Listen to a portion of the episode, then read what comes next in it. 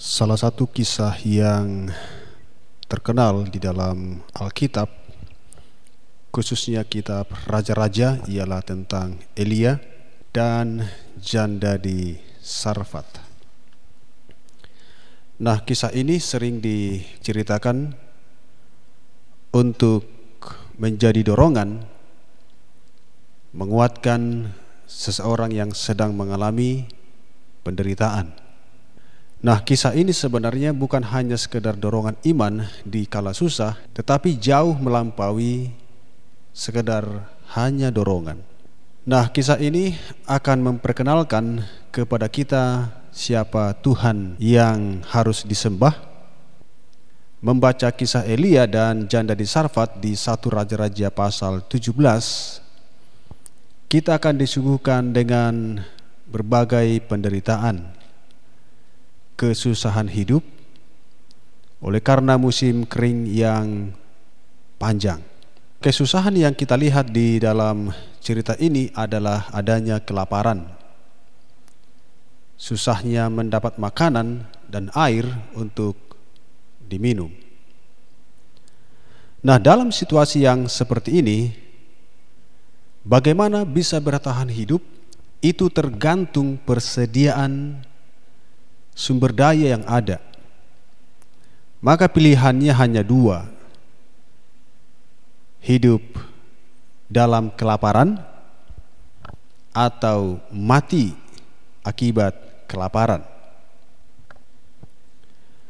Namun pertanyaan yang penting untuk ditanyakan adalah Mengapa atau apa sebab terjadinya kekeringan yang panjang pada zaman itu?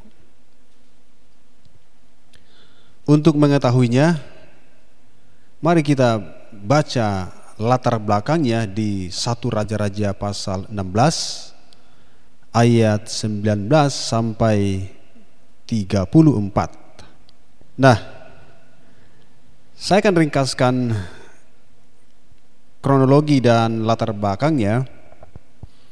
Yang pertama adalah Raja Ahab selama 22 tahun menjadi raja dia melakukan apa yang jahat di mata Tuhan melebihi para pendahulunya. Jadi kalau para pendahulunya hidupnya juga jahat tetapi kejahatan Ahab melampaui mereka. Nah, mari kita simak apa kejahatan Ahab. Yang pertama adalah dia hidup dalam dosa Yerobeam. Memangnya apa dosa Yerobeam? Satu Raja-Raja 14 ayat yang pertama kita bisa lihat di sana. Nah, Yerobeam ini adalah raja Israel yang terpecah jadi pada waktu Salomo mati, kerajaan itu pecah menjadi dua. Yang satu rajanya Rehabeam, yang satu rajanya Yerobeam. Kedua-duanya adalah anak Salomo. Nah, sebelum kerajaan Israel ini pecah ketika mereka masih menjadi Israel yang bersatu, maka kiblat mereka adalah bait suci yang ada di kota Jerusalem. Nah, sekarang setelah Israel terpecah menjadi dua, satu kerajaan utara, satu kerajaan selatan, maka bait suci dan Jerusalem ini sekarang dibawa kontrol Raja Rehabeam. Itu di daerah Yehuda dan biasanya orang-orang Israel akan pergi ke bait suci di Yerusalem untuk mempersembahkan korban. Nah, tetapi karena sekarang kerajaan ini sudah terbagi menjadi dua dan orang-orang dari kerajaan Yerobeam itu pergi ke kerajaan Rehabeam untuk berbakti dan juga mempersembahkan korban, maka ada ketakutan dalam diri Yerobeam. Kalau nanti rakyatnya sering pergi ke Jerusalem, bisa-bisa nanti kerajaannya menjadi bubar. Kenapa? Karena rakyatnya condong ke Rehabeam. Nah, itulah sebabnya dia mulai berpikir dalam hati, bagaimana caranya supaya rakyat ini tidak pergi beribadah lagi ke mana? Ke Jerusalem. Maka dia mendirikan tempat pengorbanan sendiri supaya rakyatnya tidak usah lagi pergi ke mana? Ke Jerusalem. Nah, apa yang dia buat adalah di satu Raja-Raja pasal 12 ayat 28 yang pertama adalah dia mendirikan sistem peribadatan baru menurut keinginannya sendiri yaitu dia membuat patung dua anak lembu jantan dari emas lalu dia tempatkan patung itu satu di Betel dan satu di daerah Dan lalu dia menyuruh seluruh rakyat untuk apa? menyembah patung ini yang kedua adalah dia membuat kuil-kuil yang ketiga dia mengangkat imam dari orang biasa bukan dari golongan Lewi yang keempat, dia menentukan sendiri hari-hari raya. Yang kelima, dia membakar sendiri korbannya yang harusnya dibakar oleh imam. Jadi inilah dosa Yerobeam. Yang sekarang dosa ini dilakukan oleh Raja Ahab ketika dia menjadi raja, yaitu dia membuat sistem peribadatan palsu. Nah, lalu dosa Ahab yang kedua adalah dia mengambil istri yang bernama Isabel seorang penyembah dewa Baal setelah dia peristri Isabel sekarang dia condong kepada apa yang diyakini oleh Isabel lalu dia ikut Isabel untuk apa? Beribadah kepada Baal. Yang ketiga adalah dia membuat mesbah untuk Baal di kuil Baal. Baal ini adalah salah satu dewa tertinggi agama orang Kanaan. Agama ini sangat merendahkan moral dan martabat manusia. Bal ini adalah dewa kesuburan, dewa hujan, dewa tanaman. Dan ketika orang menyembah dewa Bal di sana itu mencakup pelacuran agama dan juga mengorbankan bayi-bayi, anak-anak untuk dipersembahkan kepada apa? Kepada dewa Bal. Jadi ibadah mereka adalah ibadah pesta pora, ibadah pelacuran laki-laki dan perempuan dan perbuatan-perbuatan amoral ketika mereka beribadah di kuil mereka. Nah, lalu yang keempat adalah Raja Ahab membuat patung Asyera. Asyera adalah dewi peperangan dan kesuburan dan dia adalah pasangan daripada dewa Baal. Jadi inilah dosa-dosa daripada Raja Ahab. Maka dengan demikian dosa Raja Hab ini kemudian menjadi kejahatan dosa juga bangsa Israel. Dan pada zaman Raja Ahab maka bangsa ini menjadi sangat jahat karena secara terang-terangan mereka memberontak kepada Tuhan dan melakukan apa yang dilarang oleh Tuhan. Akibatnya mereka murtad, mereka pergi berpaling meninggalkan Tuhan yang selama ini telah memimpin hidup mereka. Jadi apa yang terjadi pada zaman Ahab menjadi raja itu bukan lagi dosa yang dilakukan oleh perseorangan tetapi sekarang dosa itu menjadi dosa kolektif, dosa ramai-ramai, dosa satu bangsa, jadi satu bangsa itu pergi apa? Tinggalkan Tuhan. Maka melihat hal ini Tuhan tidak senang. Tuhan dikatakan dia sakit hati. Di satu Raja-Raja 16 ayat 3 dikatakan ia menimbulkan sakit hati Tuhan Allah Israel lebih dari semua raja-raja Israel yang mendahuluinya.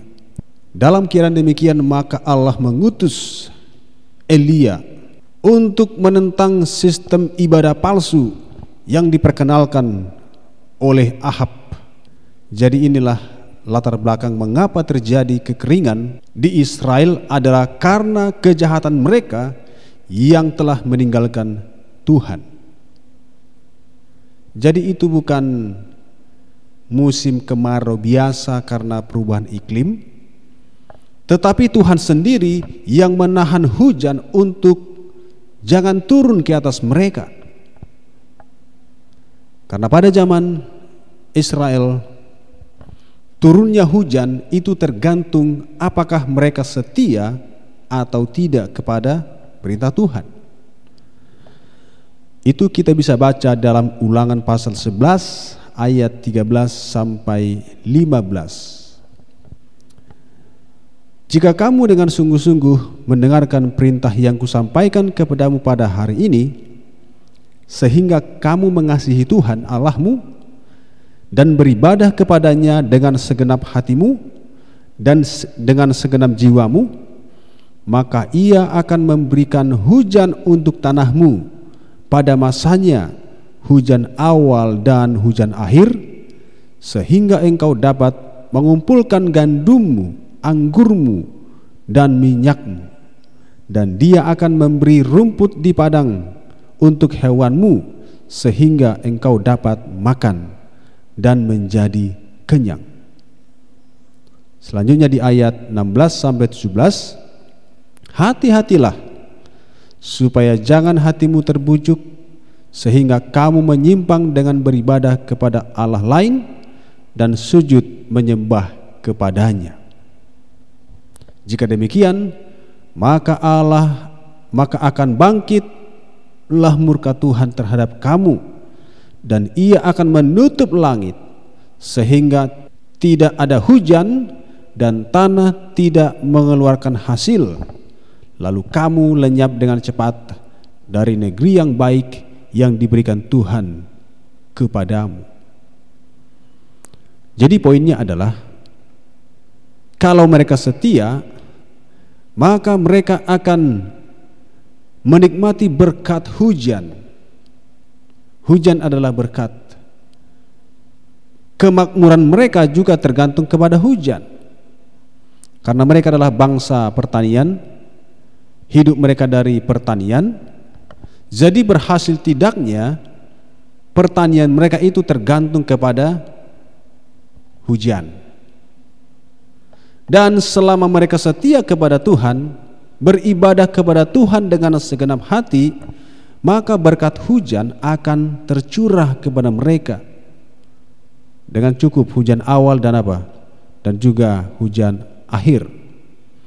Tetapi sebaliknya jika mereka tidak setia, mereka menyimpang, maka Tuhan dikatakan menutup pintu langit. Artinya Tuhan tidak memberikan hujan kepada mereka Akibatnya tanah akan kering dan tidak bisa menuai hasil tanah mereka. Itulah yang menjadi ketetapan Tuhan kepada mereka. Nah, sekarang mereka telah murtad tinggalkan Tuhan. Itulah sebabnya hujan itu ditahan, tidak turun kepada mereka. Nah, di tengah-tengah kemurtatan ini, Tuhan menyuruh Elia untuk mendatangi Raja Ahab di istananya untuk mengabarkan kepada Ahab bahwa hujan tidak akan turun di Israel. Ini adalah kabar buruk bagi Ahab. Dan sebagai seorang nabi yang membawa pesan Tuhan di mana pesannya adalah kabar yang buruk, maka Elias sebagai pembawa kabar itu sekarang nyawanya apa? Terancam. Karena bagi Ahab dan istrinya Isabel, nabi-nabi Tuhan seperti Elia ini adalah musuh. Itulah sebabnya Isabel itu membunuh, membantai ratusan nabi Tuhan. Dan sekarang Elia itu menjadi buronan Isabel untuk dibunuh. Maka karena itulah Tuhan menyuruh Elia pergi bersembunyi di tepi sungai Kerit di sebelah timur sungai Yordan. Dan di sana Tuhan menyediakan kebutuhan Elia. Di ayat 6 dikatakan pagi dan sore makanan diantar oleh burung gagak untuk menjadi bekal Elia selama dia bersembunyi di tepi sungai Kerit. Nah, perhatikan di dalam cerita ini bahwa Tuhan sering kali tidak membebaskan umatnya yang setia dari akibat dosa yang terjadi pada hari itu. Di sini umatnya Elia dia turut merasakan bencana kekeringan dan kelaparan bersama dengan orang-orang jahat yang tidak setia kepada Tuhan. Bedanya adalah Tuhan melindungi mereka di dalam menghadapi bencana tersebut. Dalam menghadapi bencana kekeringan yang hebat ini, perhatikan di dalam kisah ini bahwa Raja Ahab tidak melihat ini sebagai panggilan dari Tuhan. Musim kering yang hebat tidak dilihat sebagai peringatan dari Tuhan Padahal dia tahu ketetapan yang diberikan Tuhan kepadanya. Maka ada dua penyebab mengapa Ahab tidak peka melihat bencana ini sebagai peringatan Tuhan. Yang pertama adalah tentu karena dia telah kehilangan imannya kepada Tuhan. Sekarang dia menaruh imannya kepada dewa-dewa Baal sehingga dia tidak melihat bencana ini sebagai hukuman dari Tuhan karena dosanya dan dosa bangsa itu.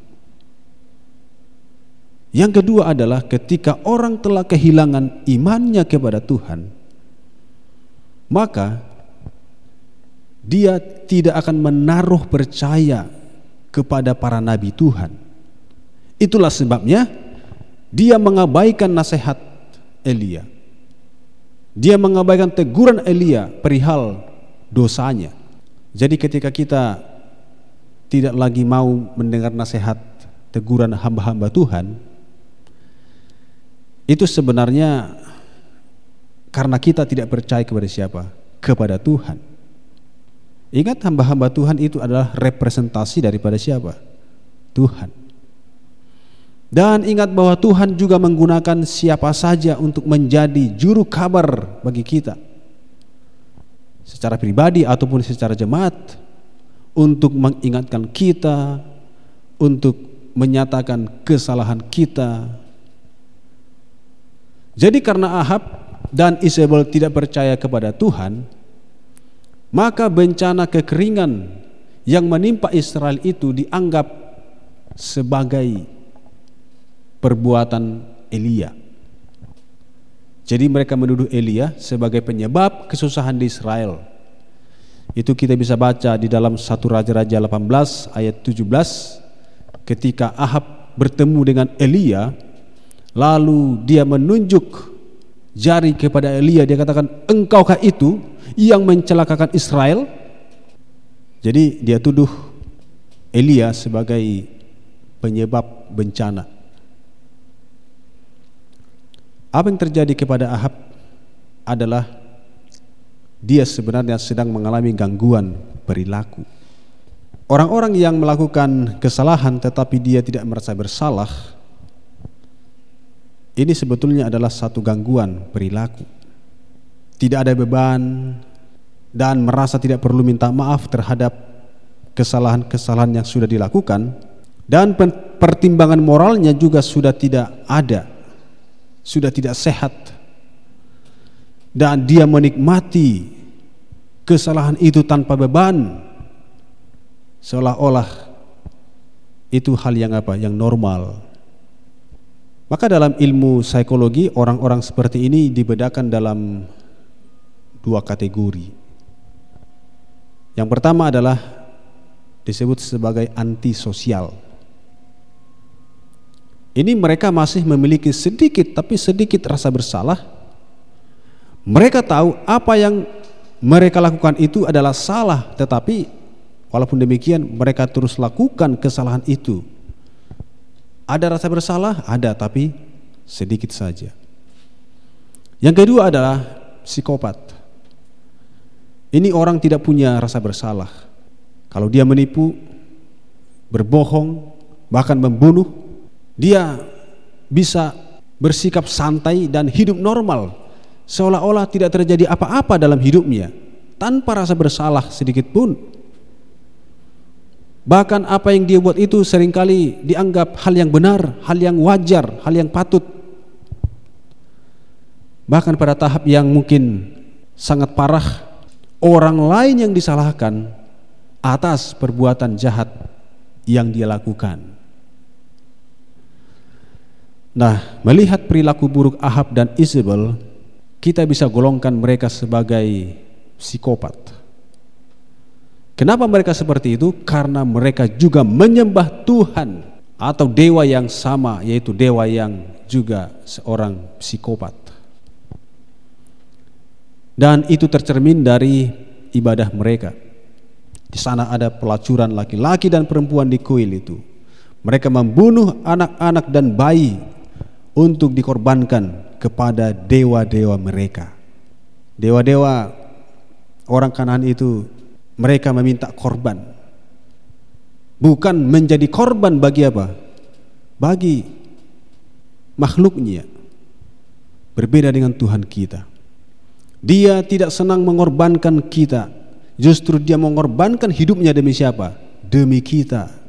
Sekalipun kita adalah manusia yang cenderung berbuat dosa, tetapi secara moral normalnya kita masih bisa bedakan mana benar, mana salah, mana baik, mana jahat.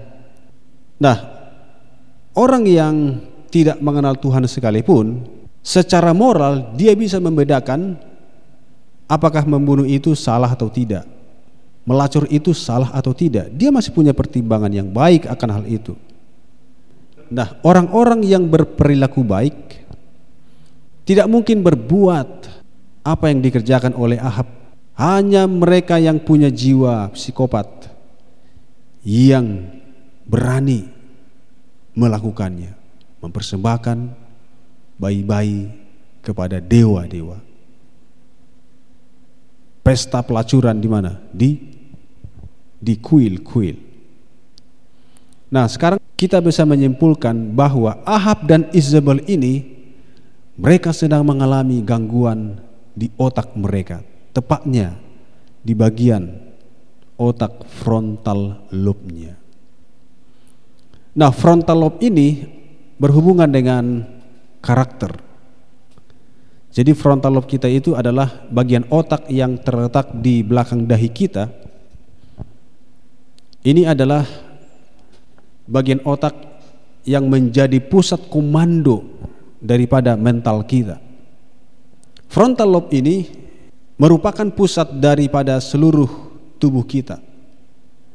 Di situlah letaknya siapa kita yang sebenarnya. Di sinilah kemauan itu dilatih. Di sinilah tempatnya kita membuat keputusan. Inilah tempat di mana kita membedakan benar dan salah. Itulah hati nurani. Jadi hati, hati nurani itu ada di frontal lobe. Inilah tempat di mana kita membuat keputusan untuk mencintai dan untuk berkorban. Dan kerohanian kita ditentukan, dibentuk di bagian otak yang bernama frontal lobe ini. Dia merupakan pusat syaraf yang menjadi tempat komunikasi kita dengan apa? Dengan sorga. Karena melalui kerohanianlah seseorang akan menemukan arti kehidupan. Dia akan menemukan tujuan hidup, harapan-harapan hidup, optimisme dan kreativitas. Frontal lobe kita adalah ruang tahta doa di mana Allah berbicara kepada kita yaitu di mana? Di frontal lobe kita. Jadi begitu pentingnya apa? Bagian otak frontal lobe. Nah jangan lupa ketika Tuhan menciptakan kita Dia memberikan kepada kita kesanggupan untuk apa? Membuat keputusan sendiri Manusia diciptakan oleh Tuhan untuk memilih sendiri Diberikan kuasa memilih Tuhan tidak memilihkan kepada kita Tetapi kita yang harus memilih Dan setiap saat kita itu membuat apa? Pilihan. Saudara mau makan apel, mau makan apa hari ini, itu pilihan. mau menolak pencobaan, penggodaan, itu pilihan. Mau bangun dari tidur atau tetap tinggal di tempat tidur, itu pilihan. Mau makan buah, sayuran, atau makan yang berlemak, mau makan sate, itu pilihan. Menonton atau tidak menonton tayangan yang jahat itu pilihan. Mau olahraga atau duduk-duduk saja di sofa bermalas-malasan itu pilihan. Mau menjadi bengis atau orang yang baik hati itu pilihan. Mau marah atau tidak itu pilihan. Mau mencintai atau membenci itu pilihan. Mau mengampuni atau balas dendam itu pilihan. Saudara dan saya mau menggunakan waktu dengan bijaksana atau hanya menghabiskan waktu tanpa ada yang dihasilkan itu pilihan. Mau membuat rencana sendiri atau membiarkan orang lain membuat rencana untuk kita itu pilihan. Mau berdoa atau tidak berdoa itu pilihan. Saudara mau baca Alkitab, baca koran itu pilihan. Mau pergi ke gereja atau ke kafe itu pilihan. Mau pelihara sabat atau tidak itu pilihan. Dan Saudara mau dengar khotbah ini juga itu pilihan. Saudara mau mengabaikan, memperhatikan khotbah ini, sementara dikhotbahkan itu pilihan saudara atau saudara fokus dengan HP itu pilihan. Jadi semua ini adalah pilihan-pilihan kita. Dan pilihan-pilihan tersebut kita ulang-ulang lagi setiap hari dan apa yang diulang-ulang ini akan menjadi kebiasaan-kebiasaan yang baik atau buruk tergantung apa? Pilihan yang diulang-ulang tadi. Nah, karakter kita dibentuk yaitu dari pilihan-pilihan yang tadi kita sudah buat. Jadi dengan demikian kita ini adalah arsitek dari hidup kita. Lewat apa? pilihan-pilihan yang kita sudah buat. Kita mau menjadi apa? Mau menjadi seperti apa? Tergantung pilihan yang kita buat, yang kita ulang-ulangi terus setiap hari. Di mana itu menjadi satu kebiasaan. Baik atau tidak tergantung pilihan yang baik yang kita lakukan atau tidak baik. Dan itulah akan menjadi apa? Karakter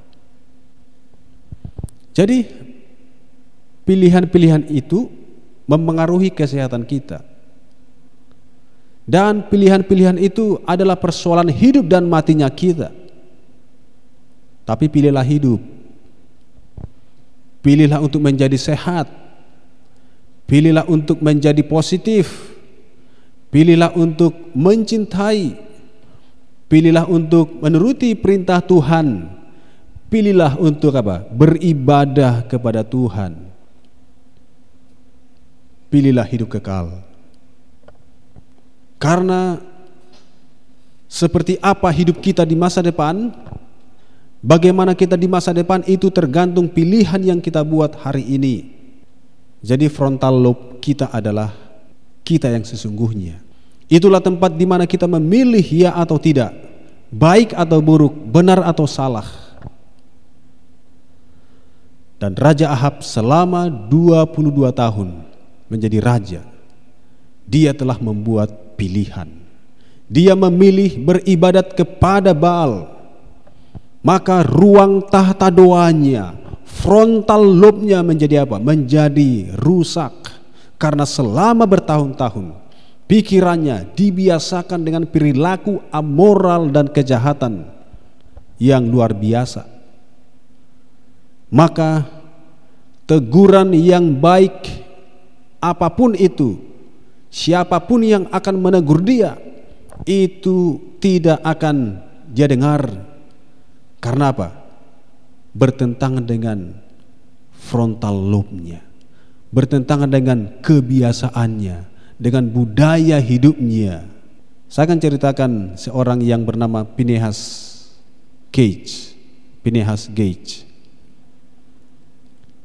dia adalah mandor pembangunan rel kereta api di Amerika sekitar tahun 1848.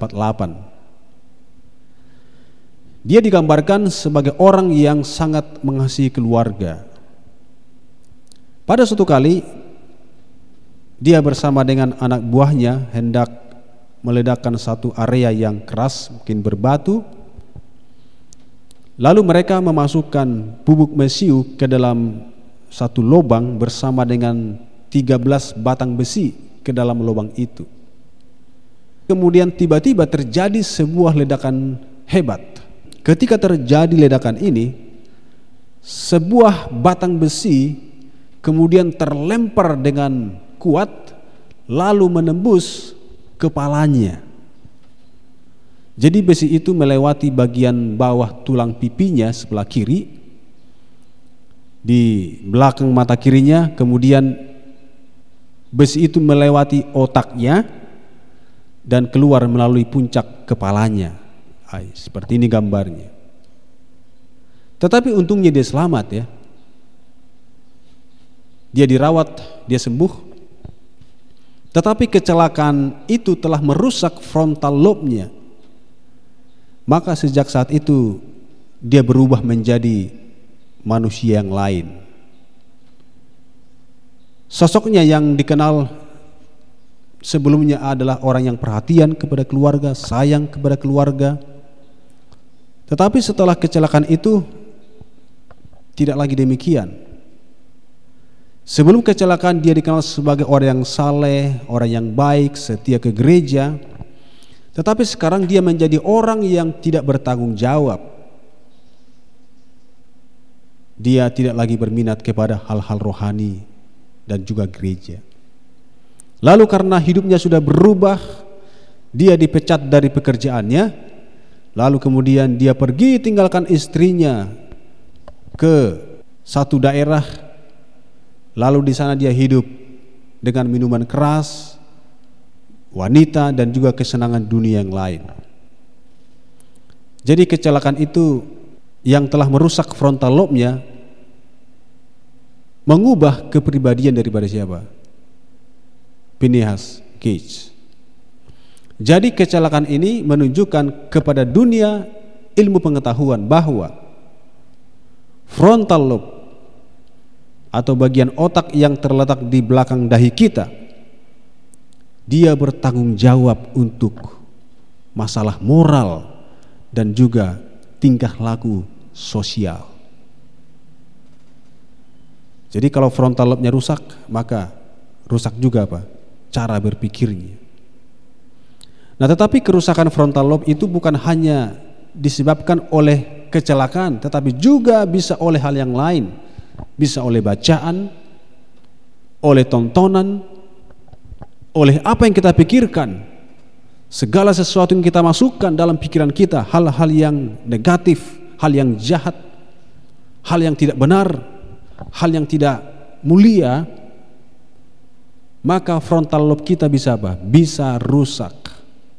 Jadi tergantung kita kasih makan apa dia tiap hari. Maka benar apa yang kutipan katakan, Anda adalah apa yang Anda pikirkan. Nah, jadi penyebab Ahab dan bangsa Israel murtad itu karena frontal lobe mereka sudah rusak, dirusak oleh apa? Ahab dan Isabel. Kepada bangsa itu ditawarkan ide penyembahan berhala terhadap Baal. Mereka diperkenalkan kepada Tuhan yang psikopat. Mereka diajar kebebasan moral, tidak perlu aturan, hidup itu suka-suka, seks bebas dan seterusnya. Hal-hal yang kotor yang jahat. Itulah sebabnya pikiran mereka menjadi rusak. Di dahi mereka tidak lagi terdapat meterai Tuhan, tabiat Tuhan. Sekarang mereka memakai meterai setan yang mereka terima dengan tangan mereka. Pikiran mereka adalah pikiran setan, pikiran jahat. Apakah frontal lobe kita sehat atau tidak? Tergantung siapa yang kita puji, siapa yang kita sembah. Dan tergantung juga bagaimana kita memuji dan menyembah Tuhan. Persoalan Israel sepanjang sejarah adalah masalah penyembahan. Dan masalah yang sama juga menimpa umat manusia, menimpa umat-umat Tuhan sepanjang zaman, yaitu apa? Masalah penyembahan. Dan itu jugalah yang akan menjadi masalah terakhir yang dihadapkan kepada manusia menjelang kedatangan Tuhan yang kedua kali, yaitu siapa yang kita akan sembah, meterai siapa yang akan kita terima. Jadi perang terakhir yang akan kita hadapi menjelang akhir sejarah dunia adalah perang pikiran, perang frontal lobe. Akan ada barisan umat-umat Tuhan yang telah dimeteraikan dengan meterai Tuhan. Dan mereka setia kepada Yesus. Dan mereka siap menghadapi krisis yang terakhir itu. Dan mereka akan mengumandangkan pekabaran tiga malaikat yang benar dan mereka akan berhadapan dengan konfederasi umat-umat setan yang kalah mereka adalah umat-umat yang murtad. Mereka menyembah naga dan patungnya. Mereka menerima meterai setan di dahi mereka.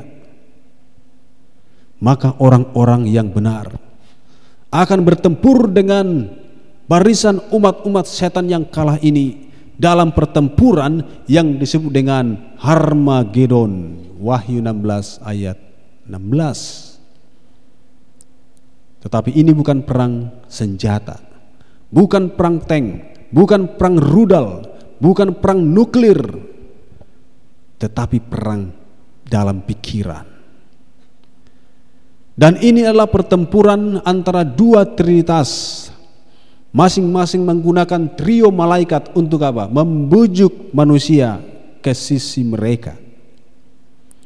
Trinitas yang benar akan menggunakan pekabaran tiga malaikat yang benar di Wahyu 14 di Wahyu 14 ayat 6 sampai 12 dan trinitas palsu akan juga menggunakan pekabaran tiga malaikat setan di Wahyu 16 ayat 13 sampai 14 jadi pekabaran tiga malaikat yang benar dan pegabaran tiga malaikat setan akan berkumandang bersama-sama.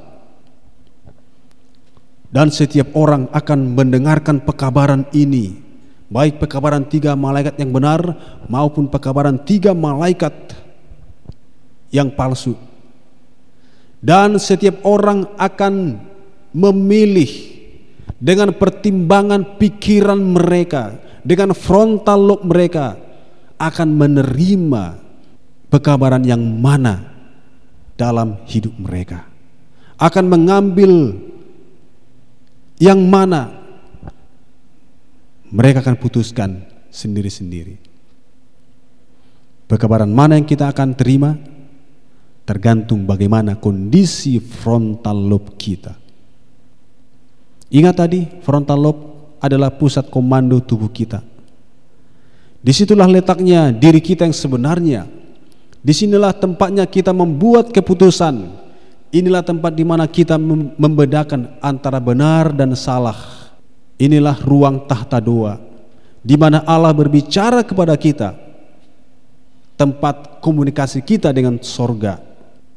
Dan satu-satunya cara supaya kita bisa memilih menerima pekabaran tiga malaikat yang benar dan menerima meterai Tuhan adalah dengan menjaga frontal lobe kita sehat, dengan menjaga otak kita, frontal lobe kita untuk tetap baik.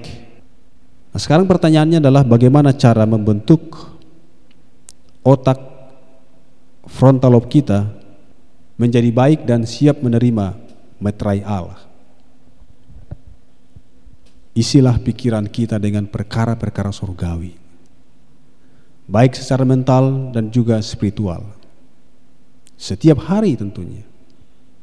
Dan mintalah kepada Tuhan supaya Tuhan mengisi pikiran kita dengan pikiran sorga.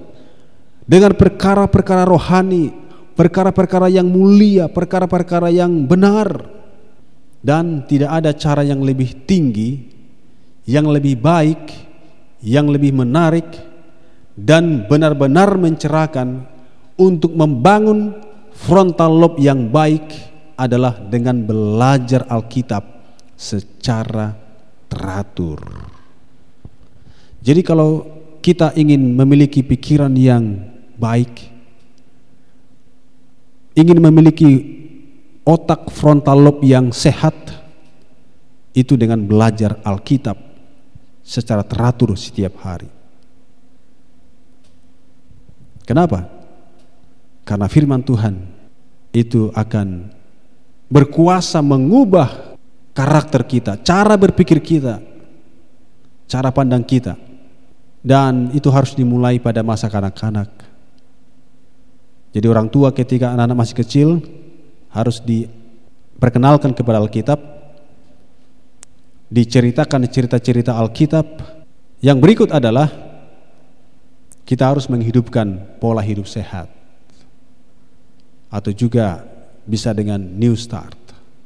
Karena kalau kita hidup sehat, maka seluruh tubuh kita, pikiran kita akan juga apa? sehat dan dan jernih. Ibadah yang penuh semangat kepada Tuhan, pencipta kita. Dengan kita beribadah, menyembah Tuhan, mengadakan mesbah pagi dan petang setiap hari, membuka ruang komunikasi, meditasi dengan Tuhan, maka ruang batin kita akan siap menerima meterai Tuhan. Jadi intinya adalah jikalau kita ingin pikiran kita sehat, frontal lobe kita baik, dan pikiran kita normal, maka Filipi 4 ayat 8 adalah rahasianya. Mari kita baca. Jadi akhirnya saudara-saudara, semua yang benar, semua yang mulia, semua yang adil, semua yang suci, semua yang manis, semua yang sedap didengar, semua yang disebut kebajikan dan patut dipuji, pikirkanlah semuanya itu. Jadi mengisi pikiran dengan hal yang benar, hal yang mulia, hal yang adil, hal yang suci, hal yang manis, yang sedap didengar. Semua yang disebut kebajikan, pikirkan. Jangan isi pikiran kita dengan apa? Dengan gosip, dengan hoax, berita-berita palsu, dengan provokasi, dengan fitnah dan lain-lain. Dengan kata-kata yang kasar, menyakitkan dan seterusnya. Tetapi dikatakan semua yang benar, yang adil, yang mulia, yang suci, pikirkan. Itu yang kita pikirkan. Karena pikiran kita akan seperti apa tergantung perkara-perkara seperti apa yang kita apa kita pikirkan kita tanamkan dalam apa dalam pikiran kita Tuhan kiranya berkati